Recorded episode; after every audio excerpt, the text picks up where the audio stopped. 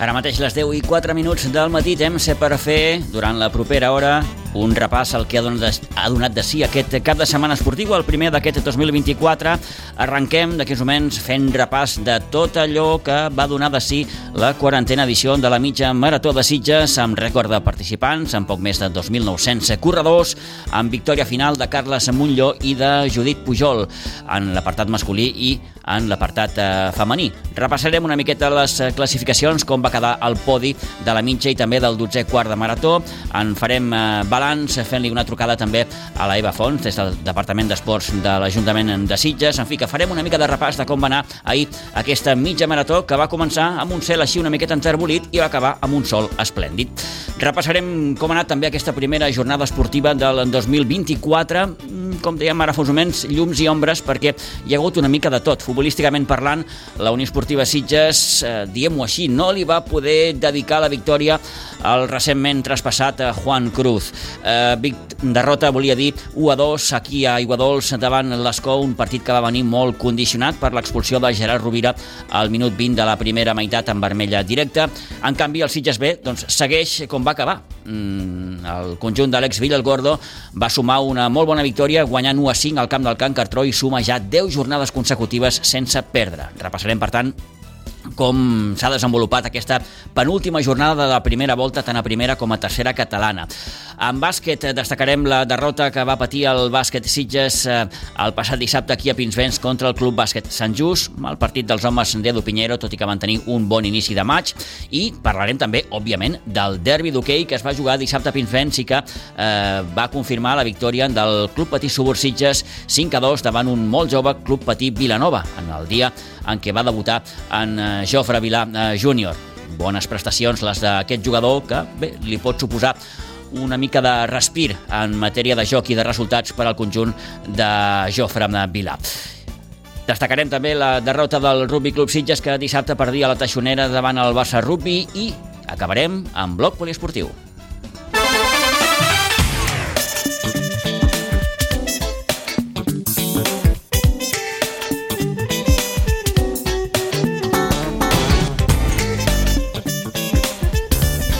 Vinga, doncs, comencem el nou any esportiu. Aquest 2024 ens porta, com sempre, amb els guanyadors de la mitja marató, la mitja de Sitges, que ha arribat ja a la seva quarantena edició i que ens deixava d'entrada el rècord de participants situant-se en guany a més de 2.900 corredors. Carles Montlló, de l'equip La Blana, va ser el vencedor en categoria masculina fent un registre de 1 hora 10 minuts 51 segons. Van completar el podi masculí Roberto Avia amb una hora 10 56 i el corredor de Roots Performance Sergi Massip amb un temps d'una hora 11.05. El podi en categoria femenina fou el següent, victòria de la corredora del GEC de Girona, Judit Pujol, amb un temps de 1 hora 21.23, seguida de Cristina Escalera amb 1 hora 23.11 i de la sitgetana Mònica Vives, tercera classificada en la seva primera mitja marató amb un temps d'una hora 23.39. Moment de poder escoltar, com fem cada any, els grans protagonistes d'aquesta mitja marató de Sitges en aquesta quarantena edició. El guanyador, Carles Montlló, que tornava a vèncer després del seu triomf d'ara fa dos anys. Doncs bé, bueno, molt content, ha acompanyat el, el dia també i bueno, tot i ser un recorregut exigent i ho he fet gran part en solitari, doncs bueno, al final bé, content, sí, sí. Venies a guanyar, quina era la teva expectativa en aquesta quarantena edició de la cursa? Bueno, la meva expectativa era anar, anar a ritme tota la cursa, un ritme de 3.18, 3.20, és el que ha sortit, més o menys, i guanyar, doncs mira, ha estat anecdòtic, ha estat secundari, però, però bueno, tot i així, doncs content, home, sempre dona un plus guanyar una cursa, sí. Crec que no és la primera vegada que, que, que, que vens aquí, oi? No, de fet vaig guanyar fa dos anys també i vaig fer el rècord de la prova aquell any i, i bueno, aquest any no, no ha pogut ser, però bueno, content. Eh, heu, heu començat la cursa sense sol, l'acabeu amb sol, bé, un temps molt bo per, per, per córrer, no, Carles? Sí, sí, tant, eh, el temps ha acompanyat, ha començat nublat i jo, tot just ha sortit el sol a la part final, que, que bueno, ens ha anat, ens ha anat bastant bé també, sí, és d'agrair, sí, sí. Escolta'm, eh, sempre s'ha dit que el, el circuit, el traçat de Sitges és, és força planer. Què et sembla tu, particularment? Eh, aviam, sí que és força planer, el que passa és que Clar, té la part de pujada que vull escapar a l'urbanització, que allà doncs, has de regular-te una mica, has de conèixer una mica el circuit, una mica regular forces, guardar una mica pujant i apretar baixant, és la, és la clau. No hi ha molt desnivell, però sí que hi ha una, un parell de petites rampes que, que com a passi de ritme ho pagues al final. Molt bé, Carles, com, com, com, com planteges aquest 2024, esportivament parlant? Doncs, eh, bueno, en principi eh, vull fer marca marató, vale? va ser la meva marca personal, que és 2.19, i, i més endavant ja es veurà, perquè això és al, al març a Barcelona, i, i més endavant doncs, ja veurem, pas a pas. En qualsevol cas, Sitges és un bon entrenament, eh? Sí, sí, i tant, i tant. De cara a Barcelona, doncs, bueno, és un, és un bon test. Sí, sí, i tant. Molt bé, Carles, enhorabona, gràcies. Moltes gràcies. Bé, doncs, Carles Amunllom, el guanyador d'aquesta quarantena edició de la mitja Marató de Sitges, que serà el proper mes de març eh, disputant la Marató de Barcelona. I en la seva primera presència a Sitges, la corredora del GEC de Girona, Judit Pujol, ens comentava també quines eren les seves sensacions després del seu triomf. Molt bé, molt contenta. La veritat és que no l'havia fet mai, he fet un dia esplèndid i he estat molt contenta del resultat. No tenia gaire referència, però m'ha agradat molt el recorregut. Heu començat la cursa sense sol, l'acabeu amb un temps fantàstic. Què tal? Quines sensacions has tingut al llarg de la cursa, Judit? Doncs és que m'ha agradat molt córrer per on del passeig és un plaer. Sí que és veritat que he sortit un pèl forta, uh, arriscant un pèl massa i llavors a la segona volta ho he patit. Però bueno, contenta perquè he fet, crec que he fet marca personal, o sigui que no puc demanar més. Has fet hora i 21, eh, satisfeta? Sí, sí. M'hagués agradat baixar a 20 llargs, però bueno, sempre volem més, o sigui que res, molt contenta per haver millorat i per haver pogut venir aquí amb el meu germà i bueno, gaudir de la cursa. És el primer cop que, que, que competeixes en aquesta mitja de Sitges. Què tal? Com has trobat la cursa, el seu entorn, eh, la seva gent? Eh, sempre s'ha dit també que és un, un circuit, un traçat molt planer. Com, com ho has vist tot, Judit? Bueno, me l'esperava un pèl més planer, la veritat, perquè sí que es deia que, que era un circuit bastant ràpid, hi ha algun puja i baixa que també trenca una mica les cames, però hi ha un ambient que crec que ho compensa tot, llavors també està bé perquè et poses una mica al límit, no saps ben bé com serà, i a vegades també està bé no, no dominar tant el, el terreny. Molt bé. Eh, com planteges el, el, el 2024? uh, bueno, uh, d'aquí un mes faré la de Barcelona, a veure si puc millorar un poc més, i després, al cap d'una setmana, faig la Marató de Sevilla. O sigui que, bueno, tampoc és ben bé ara el meu terreny de tant de pressa, però bueno, a veure si puc fer marca també a Sevilla. En qualsevol cas, Sitges no deixa de ser un bon entrenament. Exacte, per això he vingut i realment estic molt contenta d'haver-la fet. Molt bé, Judit, gràcies, enhorabona. Merci, moltes gràcies. Bé, doncs les valoracions que feia també la Judit Pujol, la guanyadora d'aquesta quarantena mitja de Sitges, i també vàrem poder parlar una estoneta amb la Mònica Vives. La corredora sitgetana va acabar en tercera posició en el seu primer any corrent la mitja, ja havia fet el quart, però no la mitja. Mònica Vives, tota una campiona en curses de muntanya, ens explicava com li havia anat la cursa. Bé, doncs sensacions bones, tot i que he patit, ja sabíem a lo que veníem. És la primera mitja d'asfalt que faig, no n'havia fet mai cap. La veritat que no sabia com gestionar la distància i el quilòmetre he anat segona quasi tota l'estona i el quilòmetre 16 m'ha avançat la canoa tercera i ja després hem mantingut posicions però ja no tenia un canvi per intentar lluitar-li res. Per tant, valores, s'entenc molt positivament aquest resultat. I tant, i tant. Jo al final sóc corredora de muntanya i el que venia buscant aquí és un entrenament de, per agafar ritme i poder ser més eficient després a la muntanya. Per una corredora acostumada a, a, la, a la muntanya, córrer sobre asfalt canvia molt. És diferent perquè t'has de concentrar en mantindre la, la tècnica de carrera i el ritme. Quan hi havia canvis de pendent, pujada i baixada, és quan, és quan disfrutava jo per aquí. Molt bé. Com, com has trobat el circuit? Sempre s'ha dit que Sitges té un circuit molt planer. Com, com, com ho has vist, Mònica? Home, eh, jo no, havia fet el, el quart de marató, la mitja no l'havia fet. Eh, trobo que és un circuit, no sé el, els corredors d'asfalt que opinaran, però trobo que és prou exigent perquè hi ha bastants girs i bastants canvis de desnivell, no? Hi ha alguna pujada, alguna baixada. Està bé, és interessant. Molt bé. I per acabar, com, com planteges aquest 2024 esportivament parlant, Mònica? Doncs la veritat que ho tinc tot en blanc encara.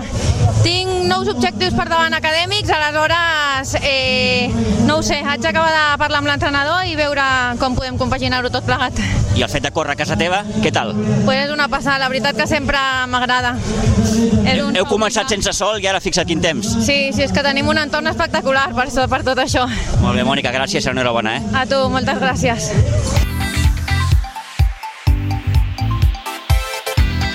Bé, doncs la Mònica Vives, eh, tota una experta en curses de muntanya, fins i tot apuntant-se a algun campionat eh, d'Espanya, no acostumada en aquest cas a les curses d'asfalt, però tercera, com dèiem, en aquesta classificació en general de la quarantena edició de la mitja marató de Sitges. Repassem també com va quedar el podi del 12è quart de marató. En homes, el guanyador fou Aleix eh, Ferrer del Overland Running amb un temps de 34 minuts 59 segons. En segona posició va quedar Sebastián Beciana del Nou Límits amb un temps de 35.08 i el tercer el corredor de l'equip Overland, Brian Cronin, amb un temps de 35-29. I en dones, la guanyadora d'aquest 12è quart de marató va ser Aida Pérez, del Deport Runners, amb un temps de 41 minuts 38 segons. Segona va quedar la corredora Paula Delamo, del PC Team, amb un temps de 43 minuts 39 segons. I en tercera posició, Maria del Carme Olalla, del Fondista Espanadès, amb un temps de 43 minuts 51 segons.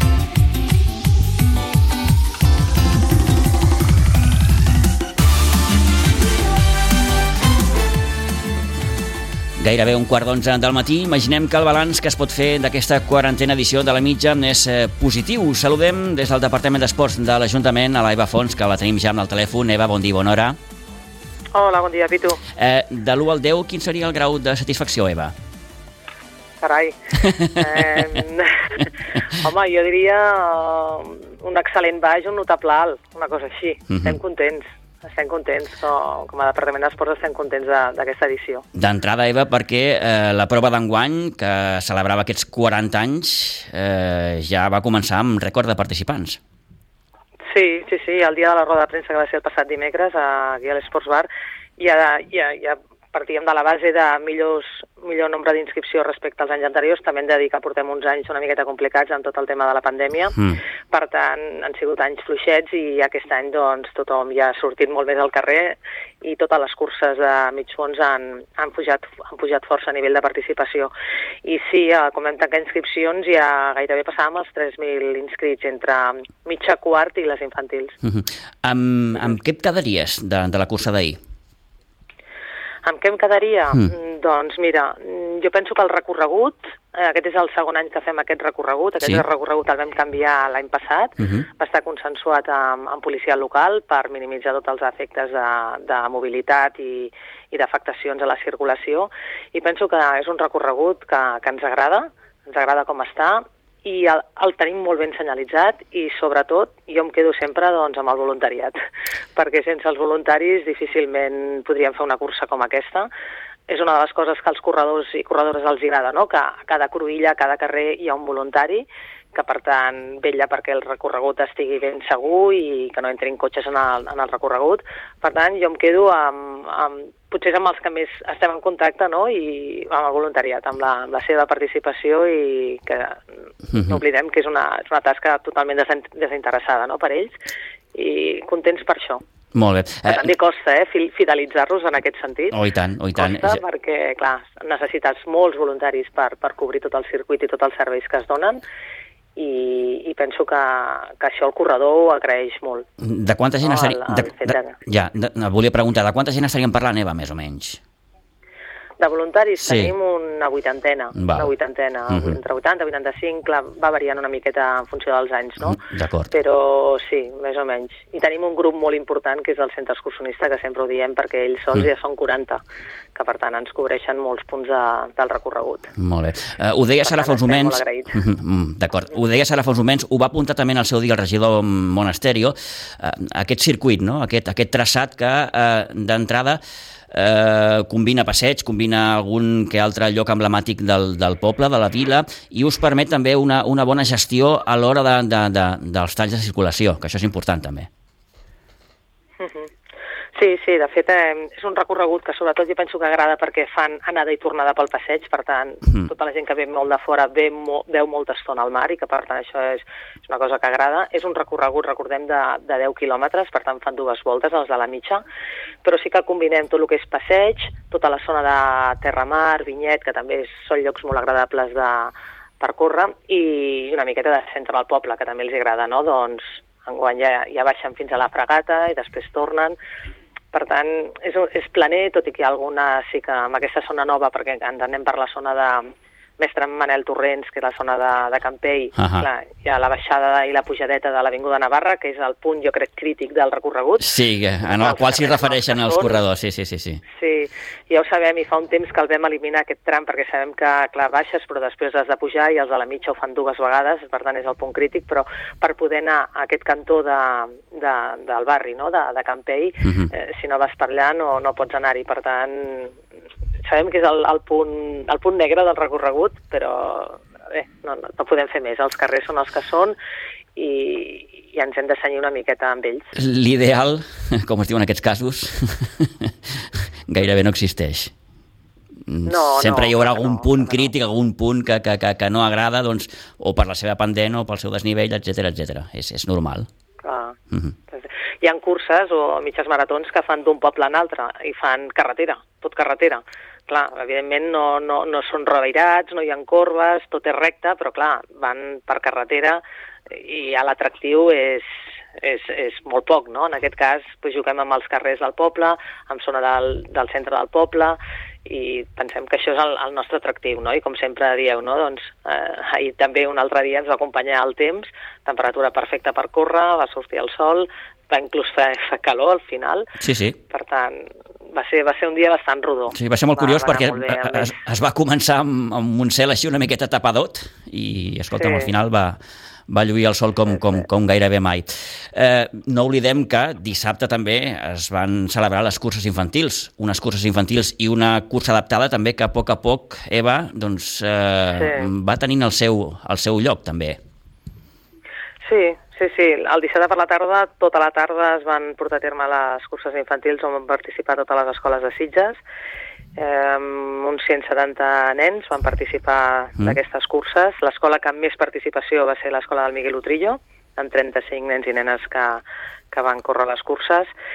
I també enmig eh, fem les curses adaptades, que també Ahà. aquest any va haver-hi una miqueta més de participació respecte a l'any passat i, i d'això es tracta, no? d'anar creixent una miqueta eh, dia a dia. Amb el que no creixem és amb la, amb la categoria de l'ESO. Eh, tot el que és eh, des de P3 fins a 6è eh, tenim força inscripció, però a l'ESO ens costa una miqueta arrencar.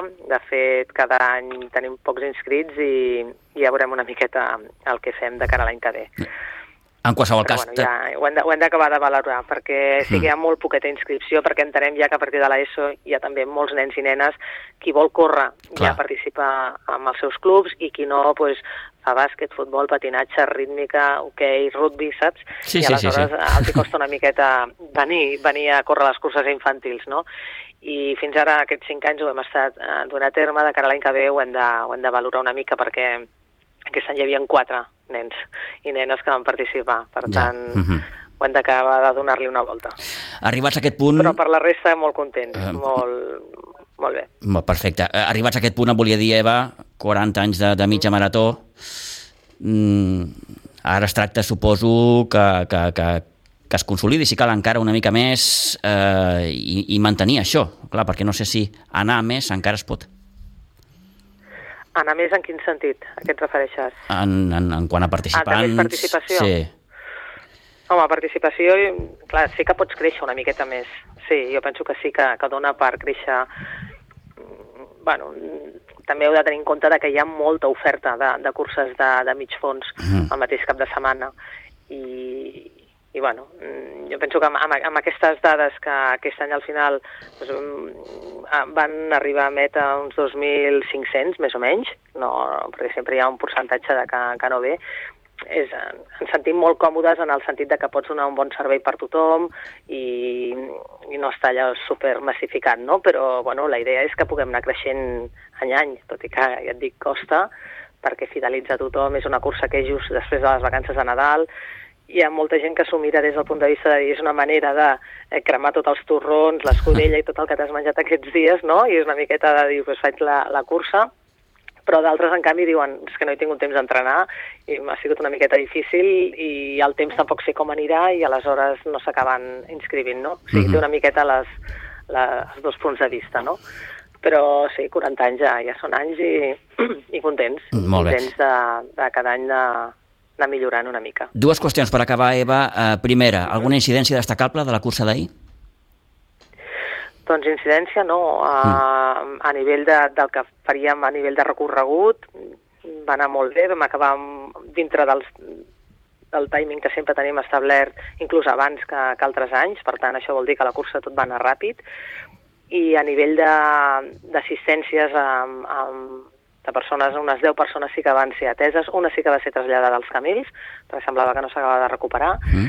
però coses com, pues, no sé, una contractura, una torçada de turmell, una rossadura, coses eh, per el que jo vaig parlar amb els d'Embomèdic eh, sense importància. Només aquesta persona que sí que al final van decidir traslladar-la per una millor seguretat de poder-lo controlar com evolucionava.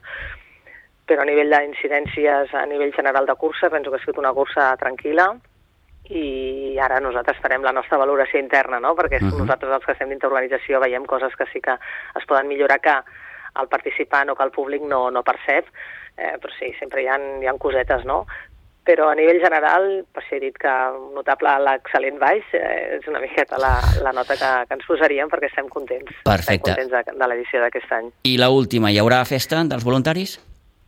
Sí, en principi està prevista per fer-la aquest dijous que ve, a Mhm. partir de les 7 de la tarda a l'Esports Bar com, com cada any. Esperem que vinguin tots i que sigui una miqueta doncs, com a mostra d'agraïment no? de, de la fidelització, de que molts d'ells venen famílies senceres any rere any i que segueixen venint i per tant és una manera de- d'agrair-los no? la, la, seva, la seva col·laboració. És a dir, que els esperem a tots dijous que ve. Perfecte, doncs eh, 10 i 25 li agraïm especialment a la Eva doncs, aquest primer balanç, així encara una miqueta en, en, en calent i passades unes hores d'aquesta quarantena edició de la mitja marató. Eva, moltes gràcies, enhorabona i, i a seguir. Molt bé, i tu, moltes gràcies. Gràcies, adéu-siau, bon dia. Adéu, bon dia.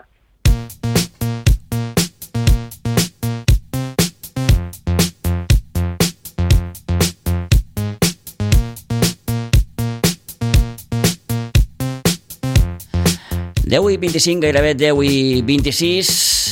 Vinga, va, deixem ja tot el que fa referència a la mitja marató. Hem escoltat ja els eh, protagonistes, hem escoltat les va- valoracions que ens feien des del Departament d'Esports amb la Eva Fons i anem a repassar ja el que ha donat de si aquesta jornada esportiva, la primera d'aquest 2024.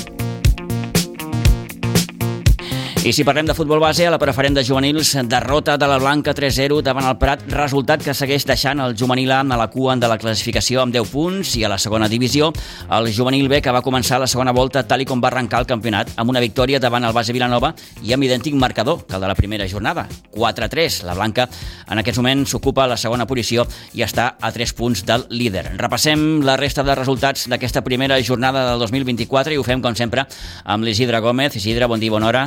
Hola, molt bon dia. Bé, ja hem començat amb aquesta freda i calenta.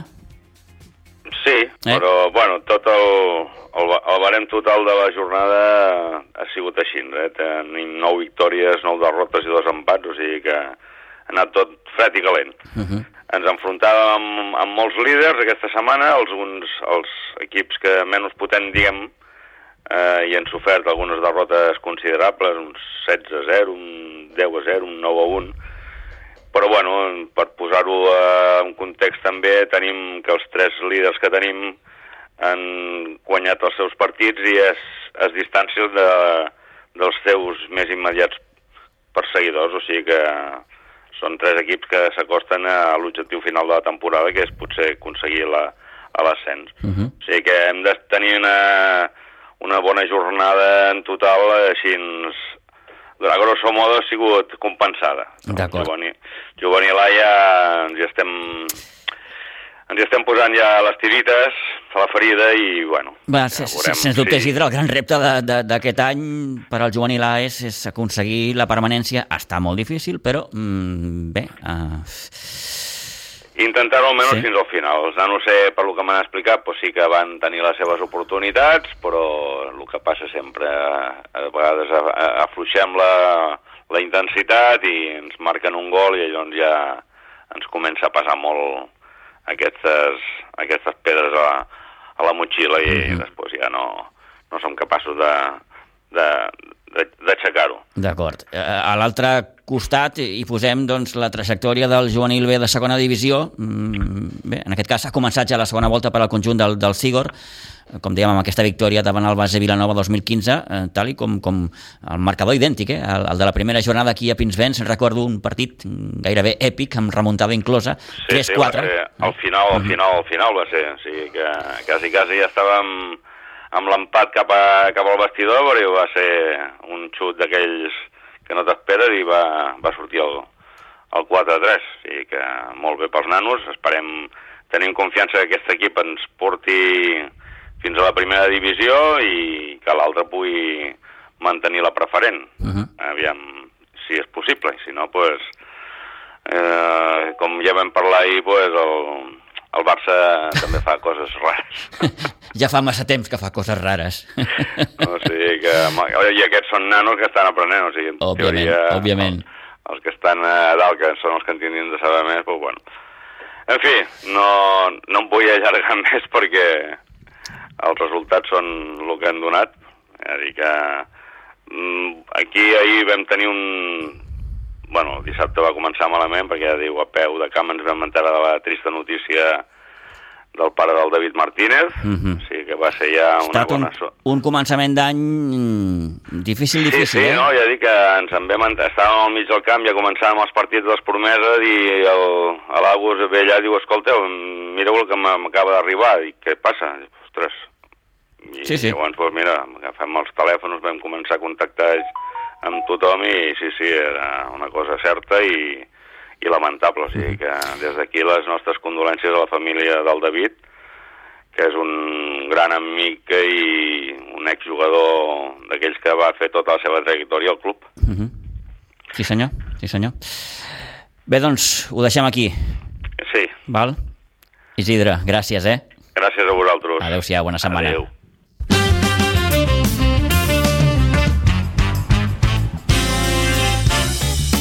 Vinga, seguim endavant, anem a la primera catalana perquè hem de parlar d'aquesta derrota dels Sitges dissabte aigua dolç 1 a 2 amb l'Escó, partit que per cert va començar amb un minut de silenci en record de, de Juan Cruz. Eh, diem que la principal novetat de l'11 de Toni Salido va estar a la porteria amb la presència de, de, de Miquel Mata i un partit que va venir certament molt, molt, molt, molt, molt condicionat per l'expulsió de, de Gerard Rovira, el central dels Sitges, al minut 21 amb vermella directa. 0 a 2 es va avançar a l'escó i a 7 minuts al final un gol de Saliu va donar doncs, alguna petita esperança, tot i que, Toni, bon dia i bona hora. Bon dia, bon dia. No sé si el Sitges en, en algun moment va tenir opcions de guanyar. No, eh, opció de guanyar no, perquè quan marca Saliu ja perdia 0-2, no?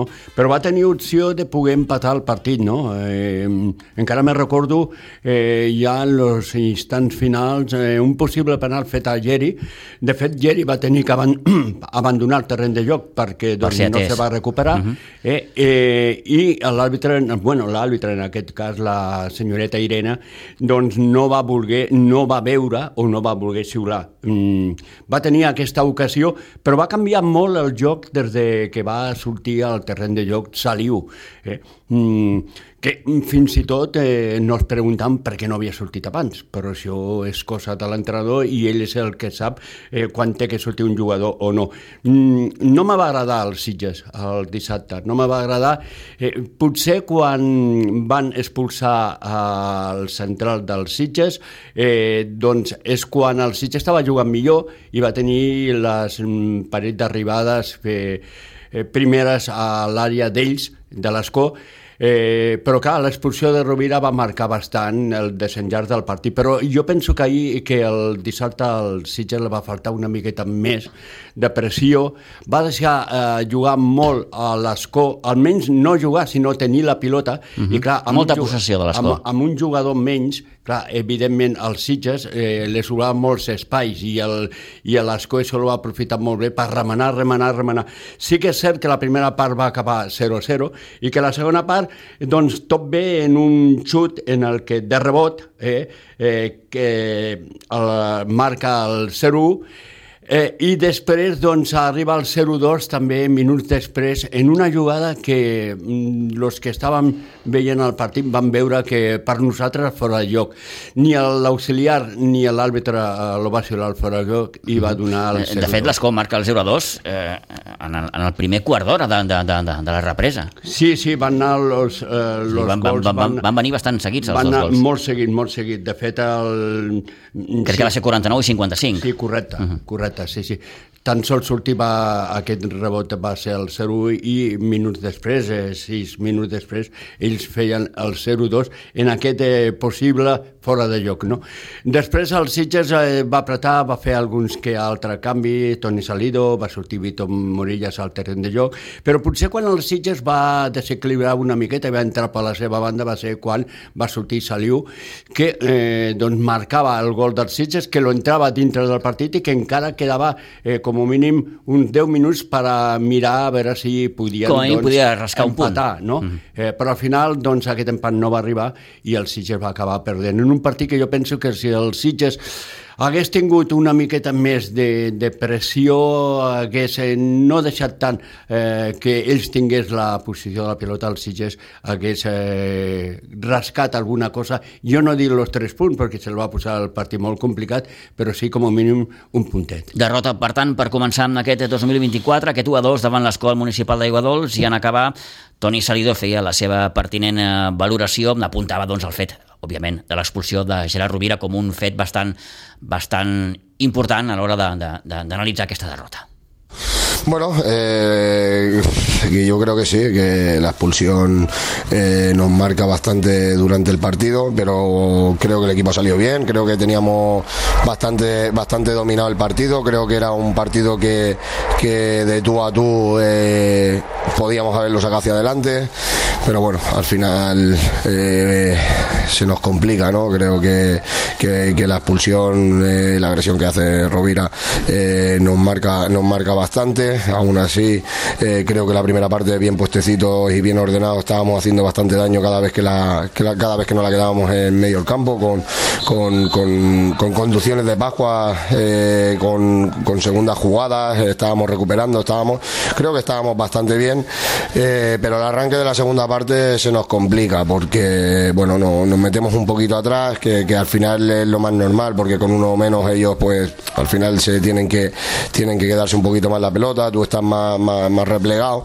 y tenemos la mala suerte de, del chute un rebote eh, que, acabe en gol, ¿no? Pero bueno, eh, la verdad, la verdad que, bastante, bastante contento, bastante contento con el trabajo, con la actitud del grupo. Creo que, hemos ido por el partido desde el minuto uno, eh, independientemente de las circunstancias. cuando se nos han puesto 0-2 hemos dado un pasito para adelante y, y le hemos puesto entre las cuerdas en según ocasión. Creo que, que si hubiese pitado el penalti de ayer y hoy un empate hubiese sido casi milagroso, ¿no?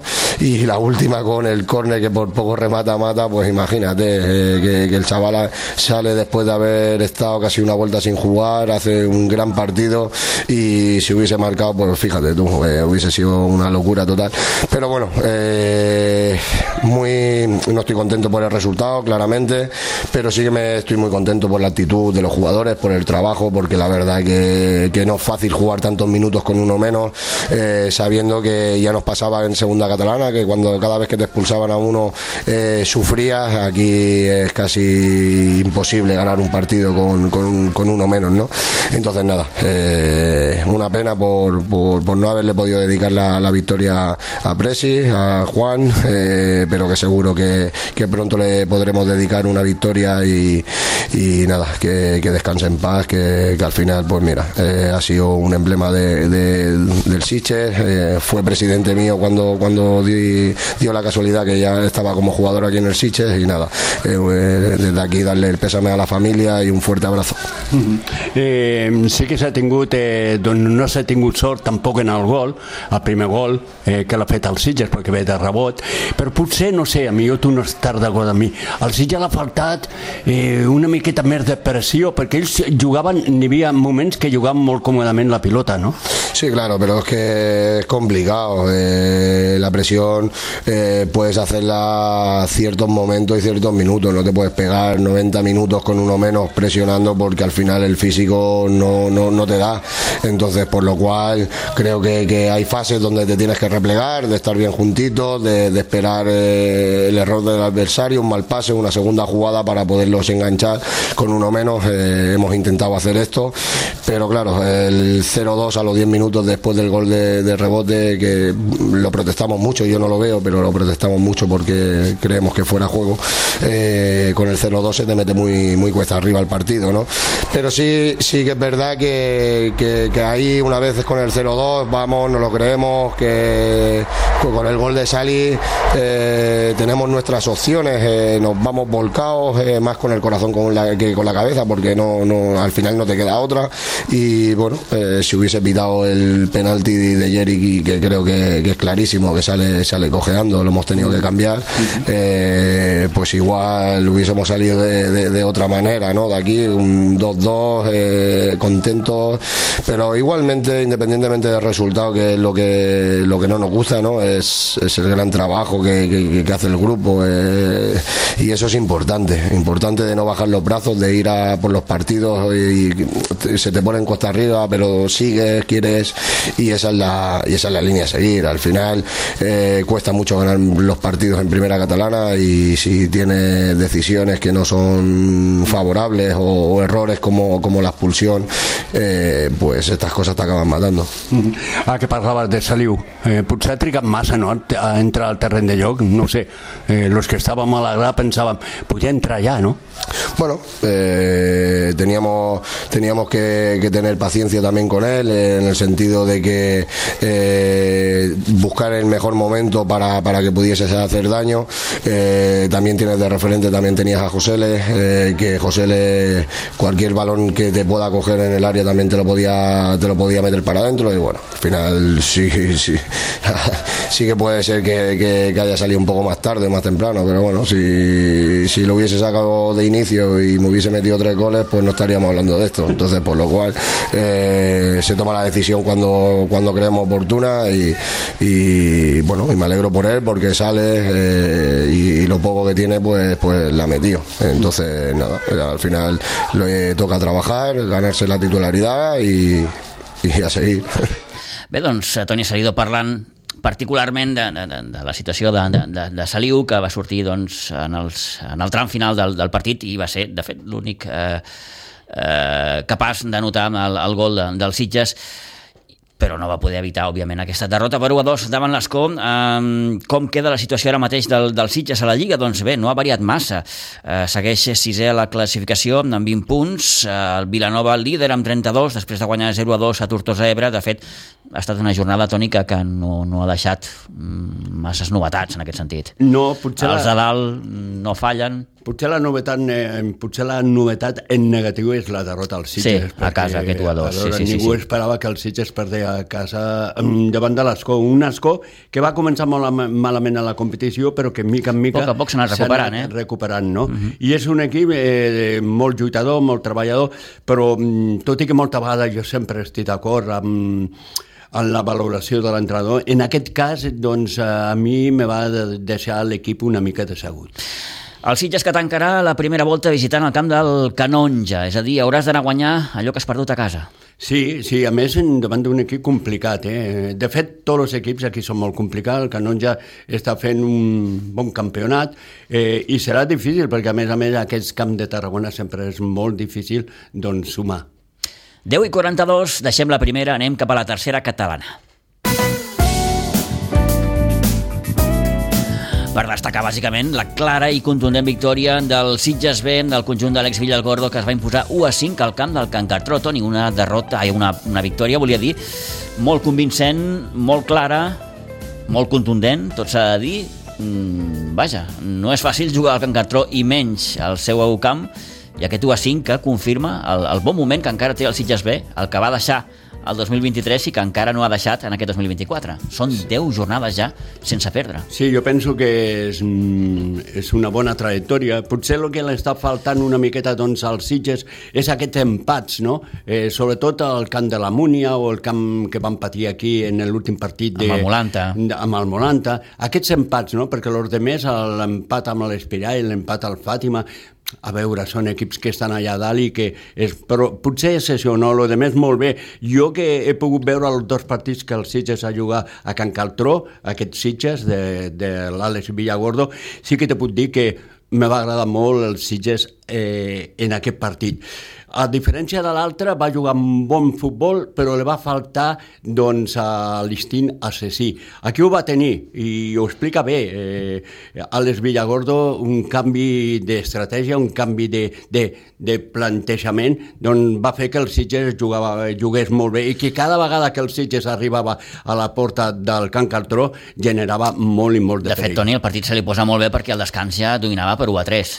Sí, sí, sí, i a més és molt important el gol, el gol que marca el Gerald Fernández al minut 44 eh, de la primera part, eh, doncs que te vas al descans amb 1, 1 a 3 i això fa que a la segona part, tot i que ells van apretar, doncs sortissis molt, molt tranquil jugant al futbol, tal com estava jugant el Sitges, Marciola feia l'1 a 4 i al final Raúl, Raúl, Berneda, feia, sí, Berneda sí. feia l'1 a 5 definitiu. Però el Sitges va poder marcar més gol cada vegada que arribava a l'àrea d'ells generava molt de perill. Eh, jo vaig veure un Sitges molt compacte en defensa, molt bé al mig del camp. Me va agradar molt aquest Sitges, eh? penso que és un Sitges que té que arribada, que queda molta, molta competició, queda tot una segona volta, i si continua en aquesta línia, compta amb aquests Sitges. Un Sitges molt solvent, amb aquesta bona victòria 1 a 5 al camp del Can Cartró, que analitzava d'aquesta manera el seu míster, Àlex Villa. Sí, eh, així és un partit que és, és de molta dificultat, no només pel camp, el, que sempre venir al camp del Camp Cartró és difícil, sinó que eh, vens de, de les vacances de Nadal, vens a estar dies sense competir, sí que hem entrenat, però no, no teníem competició fa un mes o així.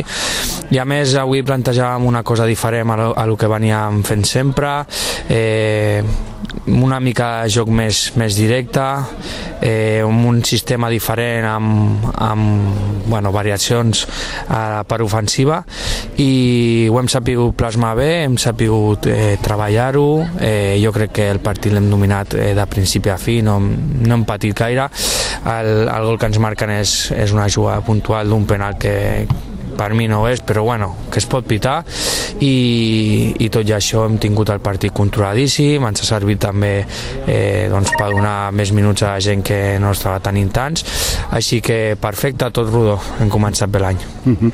Molt bé, l'equip molt sòlid en defensa, eh, en atac cada vegada que arribava als Sitges generava eh, clares jugades de perill, de fet ha tingut 4 a la primera 5 i, i ha marcat 4 gols, que ha estat clau, no?, el quart gol, no?, marxar al descans amb un 1 a 4 és molt clau. Sí, jo crec que tots els entrenadors al final el que, el que volem és que el nostre equip sigui sòlid en defensa i, i en atac pues, que, que faci mal, que, que tregui les, els efectes de, de les defenses rivals.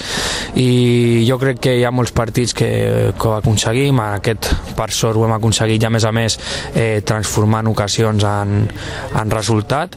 I és la línia a seguir, al final som un equip molt jove, som un equip molt competitiu eh, jugui qui jugui es demostra que, que l'equip competeix i que l'equip eh, juga a tu a tu en qualsevol i, i estic molt content d'això. 10 partits sense perdre, que es diu molt aviat, eh? Sí, estem, estem contents, sí que és veritat que eh, la nostra ambició ens, ens fa mirar que tenim, tenim que convertir aquests, aquests empats en, en victòria, però és una cosa que jo recalco cada setmana, eh, abans del partit, que portem eh, tantes setmanes sense perdre, que hem de continuar així, que hem d'intentar seguir sumant aquest, aquestes, aquests partits invictes eh, al nostre casiller, perquè és l'única manera d'anar sumar, de sumar punts, confiança, eh, i bueno, és un repte que tenim. Eh, si ens volem enganxar els de dalt hem de, hem de no perdre mai i, i no fallar. L'equip després del descans que ha tingut per les vacances ha mostrat la millor cara aquí, que està en un bon moment i queda tota una segona volta, que poden passar moltes coses, vull dir que no està tan lluny al primer lloc. Sí, no, no, no, al final eh, nosaltres sabem que la temporada és molt llarga, sempre ens fic, tenim molt present el, l'any passat, nosaltres l'any passat anàvem a 12 punts del, del Vilanova del Camí, un Vilanova del Camí que la primera volta no va perdre, només va empatar dos, dos empats, eh, dos partits va empatar només i tot i així eh, es va capgirar tot fins al punt que vam estar a punt de situar-nos eh, empatats a punts.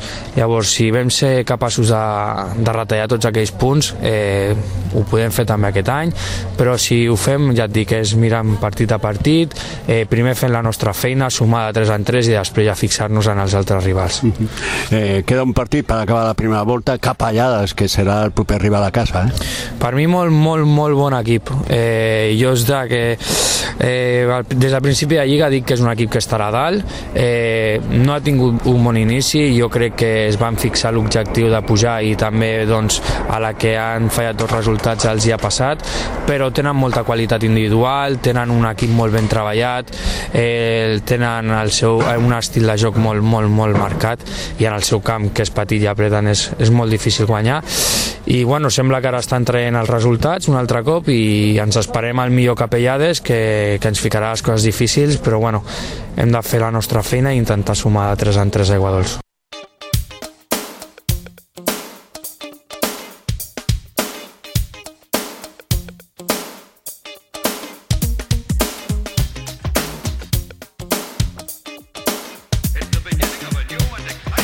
Bé, doncs la valoració que feia amb Àlex Gordo després d'aquesta victòria que deixa els Sitges, doncs, eh, vaja, més o menys tal i com estava abans de començar amb aquesta jornada.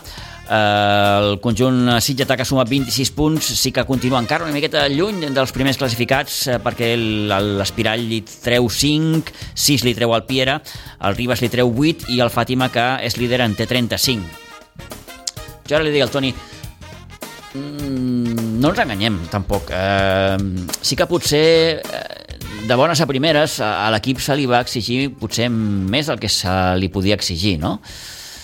Sí, sí, però te diré per què, perquè l'any passat va acabar Clar, i tercer. perquè sempre vols fer una miqueta més, perquè va estar... sempre el... vols millorar, és, és, és, és, vaja, és, és, és com ha de ser. Sí, no, no, i de fet porten, jo penso que el campionat que està fent el Sitges és molt positiu, és molt bo, eh, porten la mateixa línia, eh, quedar entre els tres quarts o cinquè primers, quedar primer és molt difícil perquè si pugen tres encara tens opcions, no? O sí, dos. o dos, Però és que aquí, fer la promoció, sí, aquí... Aquí no n'hi ha ni promoció, tan sol puja una, sí, és molt complicat, molt més quan hi ha equips com el Fàtima, que és un equip fet per pujar i és molt complicat, no? Gent que han jugat a la preferent, perdó, a la primera catalana, que han jugat, i fins i tot algun jugador a la tercera, eh? eh doncs clar, mm, és complicat. Però clar, aquest Sitges, el que li, jo el mm, que penso que és la clau d'aquest Sitges és que tingui continuïtat a l'equip, mm. que continuï aquest equip l'any que ve i que si aquest equip eh, continua, perquè clar, tu el veus jugar i veus una colla de nens jugant a futbol, eh? i realment veus que n'hi ha molta joventut. Si continua aquest equip, Eh, ah, tens jo, recorregut. Jo penso que, té, que, que aquest equip pot arribar a pujar de categoria, eh, perquè eh, té molt bons jugadors. Eh. Tanca Toni la primera volta rebent el Capellades, un Capellades que ahir va fer 8 a la penya jove. La penya jove que es desfà. Sí, no, la penya jove està Es va desfent uh -huh. a poc a poc. Sí. No, no, té, la Penya Lloba ho té molt complicat perquè la Penya Lloba tan sol ha sumat dos punts en tota una primera volta, li queda un partit per acabar la primera volta i tindrà tota una segona per a mirar de, de mantenir la categoria que jo veig que, que és molt, molt, molt, molt difícil. No? Una jornada molt que ens deixa la victòria 0 a 2 del Fàtima al camp del Piera per consolidar amb el seu primer lloc a la classificació, la victòria 2-0 del Ribas davant el Canyelles, la derrota 3-0 que va patir el Bas Espirall al camp de Riudevilles eh, i, i bé, la derrota també de l'Olivella 2-0 contra la Granada. Sí, sí, mm, bueno, perquè de fet el Rodríguez era d'aquests equips com el Capellada, eh? Jutges, Sí, eh? sí, sí, sí. Que- Ara, ara em van, dic, eh? estava intentant recordar la paraula. Efectivament, seran jutges de la competició. Jutge de la competició, perquè sí. més d'un equip se deixarà punts d'aquests que estan a dalt, deixarà punts en camps com el Rodríguez, el camp del Capellades. Aquests equips marcaran el campionat també, i això és important perquè si tu és més regular davant d'aquests equips, vas esgarrapant punts i vas pujant a la classificació. I el Sitges, de moment, porta 10 partits sense perdre, que això és molt, Sí, eh? sí, sí. sí. Eh, costa poc dir-ho, com el que estem fent nosaltres, però molt de fer-ho. Sí. Sí que aquí, com, com sempre ha puntualitzat el, el míster, hi ha empats per aquí al mig, que, que, que, que, que, que molesten una miqueta, eh? Sí, parlant així sí. una miqueta malament. Sobretot, mm, jo diria el de la Múnia, que Sí. és un empat que podies haver guanyat eh, tranquil·lament. El de Sant Pere Molanta, però Sant Pere Molanta també tinc les meves dubtes, perquè Sant Pere Molanta serà un dels Sí. equips que també estarà per allà fent Va mal. fer un eh, bon paper el dia que van venir aquí a jugar. D'aquests Sí, sí, jutges, sí, sí, eh? sí. d'aquests jutges que aniran jutjant el campionat. Eh? Sí senyor, doncs eh, proper partit del Sitges B, dissabte a Iguadols, dos quarts de sis contra el Capellades.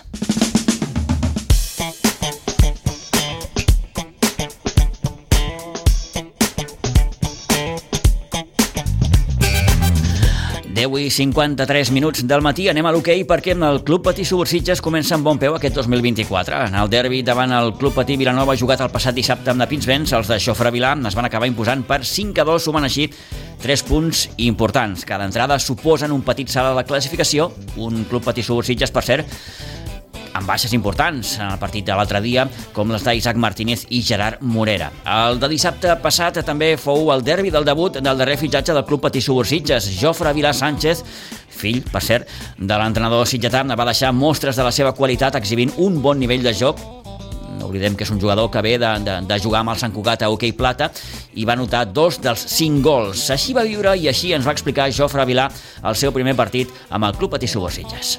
Estic feliç de per fi poder jugar a casa amb els que més estimo.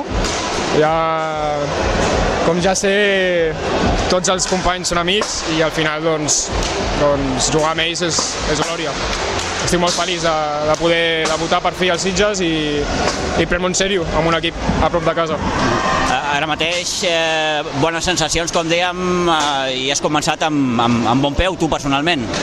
Sí, bueno, el, he, pogut, he, he fet el que he pogut i ha sortit bé. Ja de cara cap al final de la primera part ja es notava una mica més i ja la segona part era més, més relax, però, però no ens podem afluixar ja que la setmana que ve toca partit important i ja estem capficats per, per Congrés. És una victòria important, arrenqueu aquest any amb, amb aquests tres punts que, que us feien molta falta per la situació de l'equip a, a, a baixa la classificació. Com has vist, per ser el, el Vilanova, que coneixes prou bé? Bueno, el, em sap greu que, que el Vilanova estigui en, en situacions d'aquestes perquè no és... Un equip molt jove, eh? Com, perdó? Un equip molt jove. Sí, sí, no, sí, probablement és, és el millor que estan fent actualment, però em sap greu perquè no és el Vilanova que, que jo coneixia quan era petit i bueno, és una pena però, però, seguim, però segueixen lluitant, nosaltres també i de seguir treballant. Què tal? Com, com t'has sentit a la pista amb els nous companys, eh, jugant aquí a casa, com deies? Superbé, superbé, ja, ja havia vingut el, a entrenar algun dia amb ells i com ja t'he dit abans, som tots col·legues, ens coneixem de pel poble i ens coneixem com, com si fóssim germans quasi. I això de que l'entrenador sigui el teu pare, com ho portes? Bueno, bé, de, de petit no portava tan bé, però ara a poc a poc em dono compte de, de l'important que són els entrenadors i tornar a entrenar amb mon pare és, és glòria, m'encanta. Són tres punts importants i en Jofre l'equip necessita puntuar, necessita començar a guanyar partits per, per intentar sortir d'aquesta situació. Sí, sí, això està clar, i, i anem a lluitar i, i a seguir treballant, com ha de ser. Eh, què t'ha portat fins aquí? Doncs, doncs actualment estic fent un curs per ser pilot d'avió comercial i, i debut a les, a les hores de transport que tenia amb el meu antic club, que era el Sant Cugat, doncs no podia aguantar-li el ritme. I llavors doncs, he decidit vindre a prop de casa i, i no, no m'han pogut posar més clar, ho tenia molt clar. Deixes, per tant, l'hoquei plata per, per, per baixar fins a segona catalana. El canvi és important, eh? No em preocupa, al final jugo hockey perquè m'agrada i si, i si el hockey que m'agrada l'haig de jugar aquí, doncs pues, pues vinc aquí, no em, sap, no, no em preocupa. Bé, doncs, les paraules d'en Jofre Júnior, futur pilot d'avió. Esperem doncs, que li vagi, que li vagi molt bé. Jugador que ha de ser important i tal i com li preguntàvem a l'entrenador el passat divendres què pot aportar aquest jugador? Doncs a banda de la seva pròpia qualitat i de que òbviament és un jugador que fa també jugar als seus companys és un jugador que té gol. I a partir d'aquí doncs el gol és una miqueta el que li ha mancat a l'equip en aquestes jornades eh, que portem. Aleix Garret en dues ocasions i Marçal Monasterio també van marcar el passat dissabte davant un Vilanova que, repetim, té un planter molt jove i que, per tant, té per davant un millor futur que no pas present, ja que, hores d'ara, a manca d'una jornada per tancar la primera volta, n'és penúltima la classificació. El Club Patí Subursitges és ara mateix 12, suma 13 punts i tanca la primera volta visitant diumenge que ve la pista d'un congrés que és QE. Per tant, una bona ocasió també per seguir sumant eh, el congrés QE, com dèiem, i que en aquesta última jornada va perdre per 6 a 2 davant el Vendrell.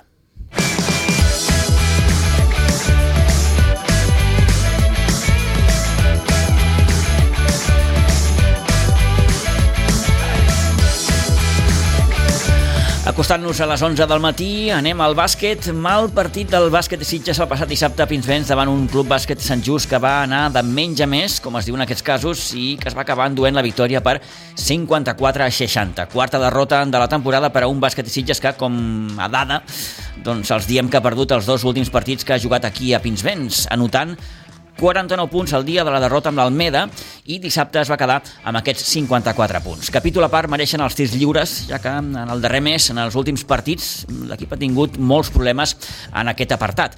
Amb tot, no va començar malament el partit, amb un Sant Just que, tot i ser un dels equips pitjor classificats, va saber jugar les seves cartes. Bon inici, com dèiem, del bàsquet Sitges amb un primer parcial de 22 a 17, tot i que les sensacions a la fi del primer quart i a l'inici del segon no eren pas bones. S'arriba al descans amb un 30 34-33, empat a 10 en el tercer període i un darrer parcial favorable al conjunt visitant de 10-17 que li va acabar donant la victòria amb aquest marcador que els comentàvem, 54 a 60. L'entrenador del bàsquet Sitges, Edu Pinheiro, que reconeixia en acabar doncs això, que l'equip no havia estat constant, tot i el bon inici, i incidia també en alguns aspectes concrets, com aquest que els dèiem, les errades en els tirs lliures.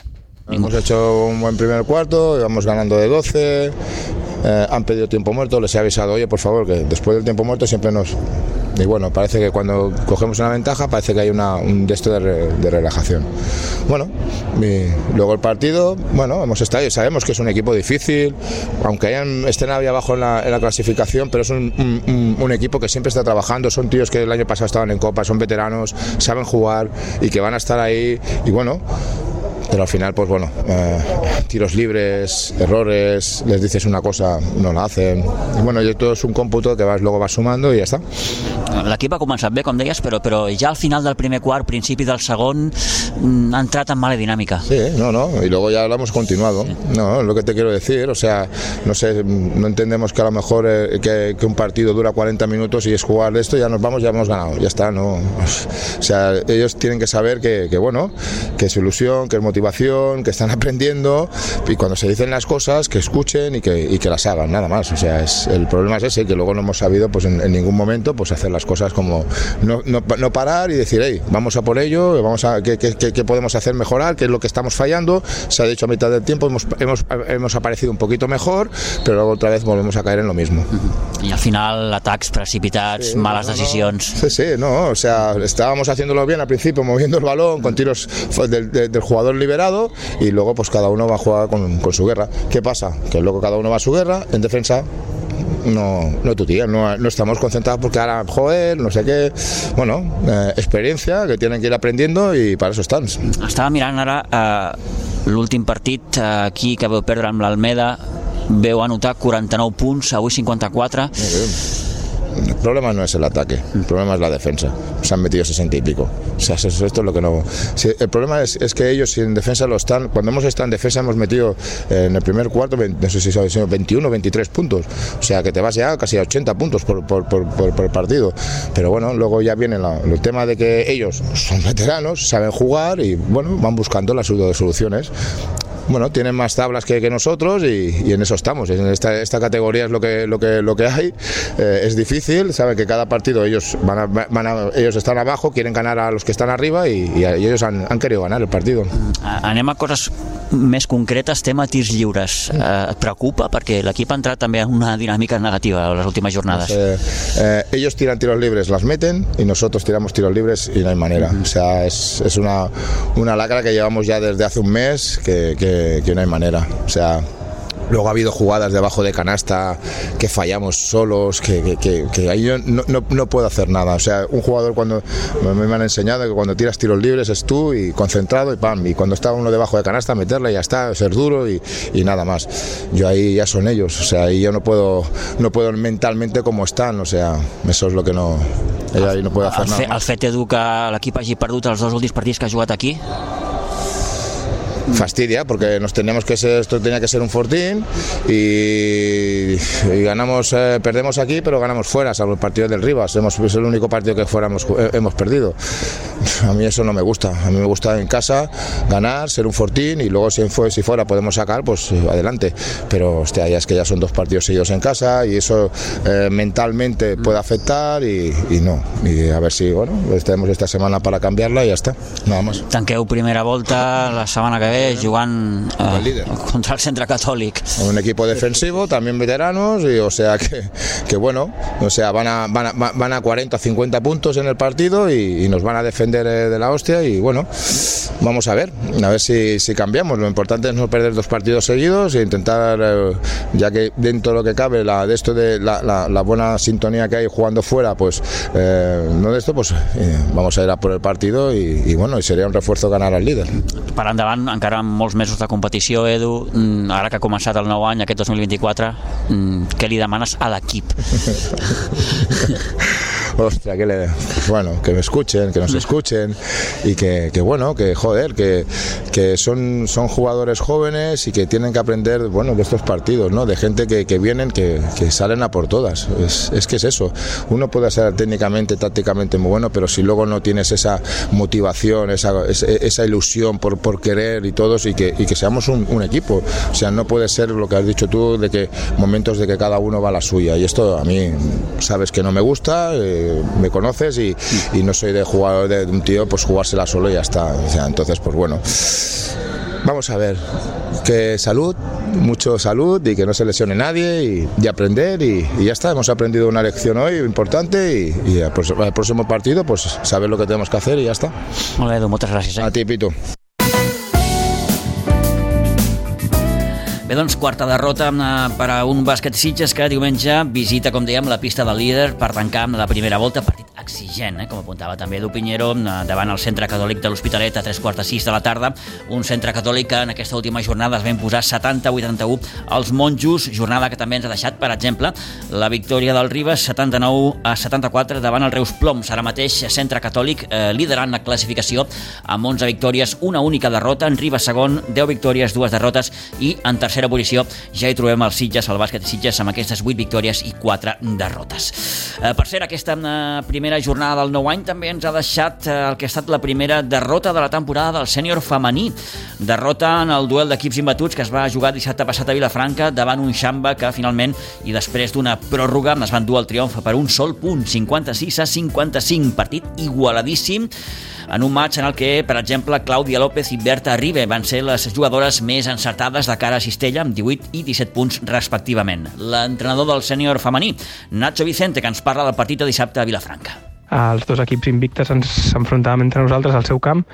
I bueno, començàvem molt bé el partit, tot el partit crec que ha estat domini nostre, ens hem pogut anar a la primera, al primer quart amb una diferència de 12 punts, després el Xamba, bueno, poquet a poquet ha anat re reduint la distància, s'ha focat a dos a la mitja part, però hem tornat a sortir amb un tercer quart molt intens, amb anotació sobretot interiorment, tant de la Berta com de la Clàudia, i hem tornat a obrir una escletxa de 15 punts, 25 a 40 al finals del tercer quart, bar, que era un, un bon resultat, un bon, una bona distància per, per mantenir-les allà i, i, i no arribar a un final igualat. Però bueno, eh, equip jove, que, que ens falta una mica d'experiència, sobretot en aquests moments, jugadores que tirin del carro en aquests moments, que agafin la confiança, ens ha, ens ha pecat una mica i amb defensa no hem estat el, la intensa que havíem d'estar. A poc a poc s'ha anat igualat i bueno, hem arribat a un final d'empat, han empatat les del Xamba a falta de 10 segons al partit i hem jugat una pròrroga on bueno, tots els dos equips han estat molt, molt en, poc encertats i han hagut molt pocs punts i finalment doncs, partits lliures també ha, ha acabat guanyant el, el Xamba d'un puntet que, però bueno, és un toc d'atenció, un toc de que encara depenem de nosaltres, eh, la veraix és possible, ja que només és la diferència d'un punt, i hem de fer una molt bona segona volta per encara tenir opcions a aquesta primera posició.